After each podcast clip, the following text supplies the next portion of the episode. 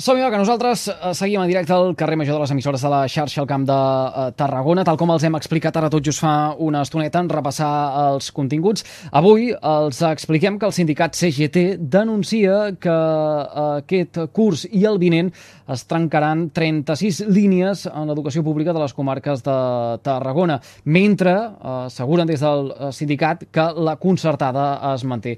Per parlar de tot plegat comparteix una estona amb nosaltres Jorge Fernández, que és membre de la secció d'ensenyament d'ensenyament de la CGT al Camp de Tarragona. Molt bona tarda i benvingut al programa. Hola, molt bona tarda, moltes gràcies. Eh, tenien coneixement del tancament d'aquestes línies o els agafa per sorpresa? Eh, bueno, tenim coneixement des de fa relativament poc, eh, sobretot tenint en compte que aquests casos eh, que surten a premsa són molt menys del que i no es solen conèixer, sinó que hem hagut d'esperar a, a tenir les dades en la Junta de Personal Docent de Tarragona que, que és on hem obtingut aquestes dades. El sorprèn, Llavors, aquestes, que, eh... el sorprèn això o els, o, o, o els agafa peu canviat, eh, tenint en compte que aquest curs ja se n'han tancat de línies? -hmm. Sí, bueno, venim ja, les polítiques del Departament d'Educació són clares en aquest sentit i, i no és pia de sorpresa. És a dir, ja hem vist com el Departament d'Educació ha augmentat 40 milions d'euros en el seu pressupost per enguany eh, a l'escola concertada eh, respecte a tots els diners que ja, que ja venien tenint. Eh, ja venim de tancada de línies eh, durant el curs anterior i, efectivament, aquest curs doncs, no es pilla per sorpresa, tot i que això no ha d'evitar que, que no ens indigne com a societat i com a treballadores. Uh, parlem d'educació infantil i uh, també a primer uh, d'ESO en centres educatius públics uh, repartits per tot el territori, eh? Mm -hmm. Sí, efectivament. Eh, normalment també el discurs que se sol mm, dir per part del departament és que no es tanquen escoles i no es tanquen instituts, no? Però, clar, aquí està la trampa, no? Si tu tanques una línia infantil en 3 anys o tanques una línia primer d'ESO, el que passa és que l'any següent aquella, aquella línia només pujarà un curs o dos cursos, en el cas d'una escola de tres línies, a eh, el següent curs. Llavors, clar, si tu tanques una línia infantil, l'any següent ja estaràs tancant-la en el curs següent i després això va pujant eh, en tots els cursos. Llavors, això en la pràctica després pot comportar el tancament d'una escola. Per exemple, eh, a Reus està el cas de, de l'Escola Ciutat de Reus, no? que, que van començar a tancar línies i al final pues, acaba tancant quan ja no, ja no en queden alumnes. No? Ara que parlem precisament de la ciutat de Reus, eh, també manifesten un comunicat que han emès vostès ara eh, recentment que eh, l'escola La Bitxeta de Reus es va poder frenar no? el tancament d'una línia. Com, com ha sí, anat bueno, això? això? Eh, és el, el, el, el poder del ciutadà ciutadà, en aquest cas del docent eh, dels equips educatius, eh, poden també paralitzar decisions com aquesta? bueno, més que els equips docents eh, aïllats, és la mobilització i el conjunt de la mobilització de la classe treballadora i no? de les treballadors del centre, de les famílies, de en definitiva de la comunitat educativa. No? Quan hi ha una comunitat educativa organitzada que, que es mobilitza per això, eh, tenen el poder d'aconseguir que això no es tanqui. Què passa? Ens trobem també que hi ha escoles que, per les característiques de, de l'alumnat i de les famílies, eh, no tenen aquesta capacitat de mobilització també ens trobem en casos que això no s'ha conegut o no s'ha donat a conèixer a premsa. Llavors, clar, això dificulta molt la mobilització, perquè són famílies que tenen també, doncs, eh, no es coneixen entre elles, no coneixen l'idioma, per exemple, no? llavors això dificulta més. Però, efectivament, el cas de la bitxeta es demostra que, que, bueno, que si estem unides i, i lluitem podem aconseguir aturar això. Mm. El, el tancament de línies a la llarga què suposa? Estem parlant d'incrementar uh, ràtios a les aules? Bueno, el tancament de, de línies el que suposa és que, és que s'està perdent una oportunitat històrica, en definitiva. És a dir, eh, quan s'estan tancant línies perquè s'estan excusant en la, en la davallada de natalitat, no? hi ha una davallada de natalitat i el que fem en comptes de tancar eh, línies de l'escola concertada, eh, sinó que, de fet, estem obrint-ne de més i estem augmentant el pressupost en l'escola concertada i fins i tot salvant les escoles concertades deficitàries, eh, estem perdent l'oportunitat històrica de tancar aquests concerts i abaixar ràtios a l'escola pública. Venim d'una època de pandèmia que precisament tots els mestres que hem estat a peu d'aula eh, sabem que no és el mateix tenir 18 alumnes que tenir 27. Mm -hmm. val? Llavors s'està perdent una oportunitat històrica perquè si no hi ha una davalla de natalitat, això ho haurien d'aprofitar per precisament abaixar ràtios, millorar la qualitat educativa i, i justament apostar per aquesta inclusió educativa que tant el departament s'ompli la boca eh, amb normatives, però després si no posem recursos, això són paper, és paper mullat i són paraules buides. És a dir, si no hi ha recursos, si no hi ha davallada de ràtio, no podem parlar d'una educació inclusiva. D'altra banda, entenem que uh, això també va en detriment uh, uh, dels llocs de treball. Uh, Se'n suprimeixen, l'especialització també es redueix. Hmm. Sí, per una banda ens trobem que, que evidentment, eh, tancar línies en l'educació pública és un atac al conjunt de la societat i al conjunt de la classe treballadora. Però, a més a més, efectivament, si anem a, als llocs de treball més específics, ens trobem que això afecta, en primer lloc, i, i ho hem de remarcar molt, eh, a les tècniques especialistes en educació infantil, en el cas de, de les línies d'I3, el col·lectiu de tècniques d'educació infantil és un col·lectiu eh, majoritàriament format per dones que, que està prou precaritzat i que, de fet, no formen part de, del, de, de, no depenen del Departament d'Educació, sinó que depenen de funció pública i són mm. persona laboral. De fet, elles la reivindicació que porten des de setges de laborals és el reconeixement de la tasca educativa que fan i elles només treballen dins dels centres educatius del departament en les aules de 3 anys. Llavors, què passa? En el moment en què s'està tancant una línia en infantil, en 3 anys, s'està atacant directament a aquest lloc de treball perquè desapareix, perquè és l'únic lloc en el qual pot treballar aquesta persona. Després, això, evidentment, n'hi ha supressions de llocs de treball també de mestres i d'altres especialistes com tècniques d'integració social, vale, etc. Però, en primer lloc, les, les, les principals afectades són les tècniques d'educació infantil, tot i que això, evidentment, com, és, com que és progressiu i va pujant per cursos, al final acaba, acaba comportant la supressió de llocs de treball. Mm. Vostès des de la uh, CGT d'Ensenyament al Camp de Tarragona han elaborat un uh, llistat d'escoles i, i institut amb uh, aquesta pèrdua de línies, uh, tant d'aquells que ja l'han perdut aquest curs com les que es preveu que perdin el curs que ve, el 23-24. Uh, N'hi ha d'arreu eh, del territori, així per sobre ara llegeixo els Pallaresos, Tarragona, Vilaseca, Calafell, Montroig, uh, Reus, Santa Coloma de Caral, uh, la Selva, el Vendrell, la Canonja, uh, això parlant d'aquest aquest curs 2022-2023, però eh, el que ve eh, se n'hi sumen eh, d'altres, Botarell, Cunit, el Vendrell, la Pobla de Montornès, eh, Puigpelat, eh, Riudoms, etc etc etc. No? Ara eh, repassarem tot de, de, de dalt a baix. En tot cas, això es pot eh, trobar de ben segur a través de, de, de la xarxa. Parlen també en el comunicat, el que fèiem referència ara tot just fa eh, un momentet, de, de casos particulars o que fan que uh, ens puguem centrar més també en la peculiaritat, no? Per exemple, el de Vilaseca, um, no hi ha presència d'escola concertada, però sí que es tanquen línies. Sí, en el cas de, de, de Vilaseca, no? és un municipi que, que, tot i que hi ha algunes ciutats que sí que tenen presència a l'escola concertada, a Vilaseca no hi ha escola concertada. Llavors, eh, precisament el que s'està reivindicant és que no se tanquen línies i que n'hi hagi una aposta decidida per reduir ràtios, que és el que millora la qualitat educativa. Llavors, clar, en el cas de Vilaseca, fins i tot eh, en algunes reunions amb la plataforma que es va crear eh, a l'Escola La Canaleta, val? per part de membres de l'Associació de Famílies d'Alumnes i, i bueno, famílies que volien portar allà a la canalla, es va, es va estar parlant no, en alguna reunió amb, amb, bueno, amb les institucions i es va informar que, que evidentment, l'Escola de Canadeta era eh, un cas que seria aquest curs, però que això no seria l'únic cas. De fet, l'any passat ja en van tancar línies i que continuarien tancant l'any que ve en una altra escola i l'any que ve en una altra escola. Per això és tan important que no centrem només els casos en una escola concreta, sinó que eh, ampliem la mirada i tinguem una lluita col·lectiva i conjunta eh, contra els atacs a l'escola pública, perquè si estem juntes doncs és molt més, bueno, molt més productiu i, i podrem aconseguir més coses que no s'anem per separats i anem competint entre quina escola millor, quina escola té una metodologia millor que l'altra, sinó que tothom som escola pública, tothom som mm. educació pública i, i hem d'anar totes a una, si no, si no ens pillaran, bueno, ens pillaran desprevingudes. No?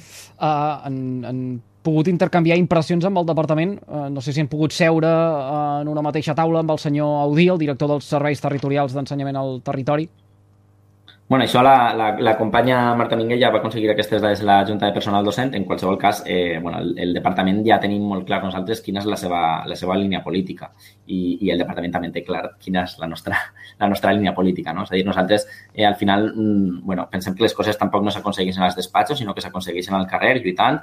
Ho hem demostrat en diverses ocasions. Ho hem demostrat, per exemple, en el cas de, no, de la bitxeta de Reus, que quan hi ha mobilització i hi ha pressió i, i hi ha difusió eh, hi ha, bueno, hi ha, hi ha fruits no? I, i, podem, i podem recollir aquests fruits de la lluita. Què, què, què perseguiria el Departament d'Ensenyament de, de, amb uh, el tancament d'aquestes línies? Uh, reduir, uh, re, reduir la, la despesa o la inversió en uh, ensenyament, apostar per la uh, concertada, uh, que, per cert, uh, es troba també en el punt de mira per uh, el que significa eh, en, en, en l'àmbit de la segregació escolar. Eh? Recordem que eh, el departament va dir que no abocaria diners si aquesta segregació es donava.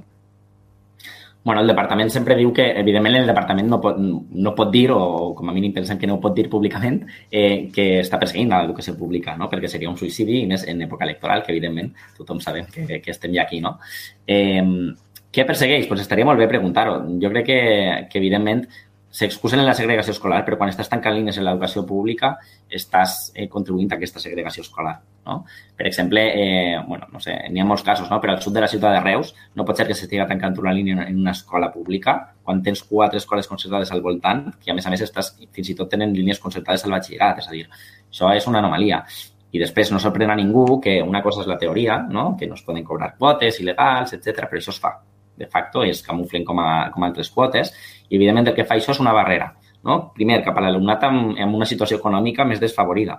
Després, l'alumnat no vingut mm, no sol anar a l'escola concertada, no? Solem assumir-lo a l'escola pública i la matrícula viva, que, per exemple, en ciutats com Reus és un problema eh, prou rellevant. Eh, després, també en el cas d'alumnat amb necessitats educatives de suport educatiu, eh, l'escola pública és la que concentra tot aquest alumnat. I què passa? Quan concentrem tot aquest alumnat en una escola que, a més a més, no aboquem tots els recursos necessaris, eh, no podem parlar d'una qualitat educativa i no podem parlar d'inclusió educativa. Llavors, eh, primer, eh, hem d'apostar per un pla de desconcertació. O sigui, això és una oportunitat històrica que n'hi hagi una davallada de natalitat i hem d'apostar. Quin model volem? Volem un model d'escola pública, no? d'educació pública, que sigui inclusiva, que sigui de qualitat. Això passa necessàriament, més enllà de qualsevol altre debat, és davallada de ràtios, i abocació de recursos. Llavors, això implica que o apostem per, per mantenir els concerts o mantenim les escoles públiques que tenim i abaixem les ràtios. Mm. Davant d'aquestes uh, escoles, aquests centres que perdrien línies uh, de cara al proper uh, curs, què passa ara? La notícia la tenim, fins on estan disposats vostès a arribar, es pot negociar, uh, hi ha línies vermelles que es poden creuar i d'altres que no, la sortida és mm, alçar la veu i manifestar-se? Bueno, nosaltres, eh, en primer lloc, el, el llistat aquest que se'ns ha passat en principi és provisional, però ja hem tingut les preinscripcions. Llavors, és una cosa que és provisional, però és prou definitiva. Val? Llavors, nosaltres, bueno, ja eh, volem començar a avisar que, tot i haver tingut unes vagues ara també al gener, tot el curs passat que van tenir totes aquestes mobilitzacions, eh, bueno, ara després de les vacances que tindrem ara de Pasqua, eh, vindrà una època també molt convulsa, perquè ja ho diem clarament, que o cessa el senyor Cambrai o hi haurà eh, bueno, pues, mobilitzacions i aquest cessament l'hauríem d'omplir de, de contingut. No? no només volem que aquesta persona que ja ha, ha quedat completament desacreditada eh, bueno, se'n vagi, no? sinó que el que volem és, és bueno, una educació pública digna per a la classe treballadora. Llavors, evidentment, estarem en qualsevol mobilització i ens posem a disposició també d'aquests centres que, que perden línies que es posin en contacte amb nosaltres i que donarem suport a, a aquesta lluita, no? perquè pensem que és la lluita de tota la societat i animem a, a les famílies, a la comunitat educativa i a la societat en el seu conjunt a, a donar suport a totes les mobilitzacions i, mm. i actes que es puguen, que es puguen realitzar. Ho anirem seguint, ho explicarem. Uh, escolti una cosa, aprofitant que, que, que el tenim aquí al programa, permeti'ns que li preguntem per, per l'actualitat, perquè uh, just aquest uh, uh, matí uh, el conseller Josep González Cambrai uh, ha comparegut per anunciar que el curs escolar començarà el 6 de setembre per infantil, primària i ESO i el dia 12 per uh, l'FP. Uh, els uh, sindicats han començat ja a posicionar-se, uh, a dir la uh, seva, alguns parlen uh, d'imposició d'una mesura sense negociació per part de l'educació. Què diuen vostès? bueno, jo, jo m'acabo d'entrar una mica perquè he estat a, a l'escola tot el dia, llavors eh, el que sí que puc dir, com a mínim a nivell individual, però pense que ho compartim com a, com a sindicat, evidentment crec que tothom que treballa en una escola eh, entén que el dia 6 de setembre no hi ha temps primer per preparar el curs, després hi ha unes temperatures elevadíssimes que als centres de treball no es compleixen, hi ha una normativa no, que no es compleix en, en qüestions de temperatures. Les escoles no tenim ventiladors, no tenim aire condicionat, és a dir, tenim finestres. Eh, no? Aquesta és la, la solució del departament.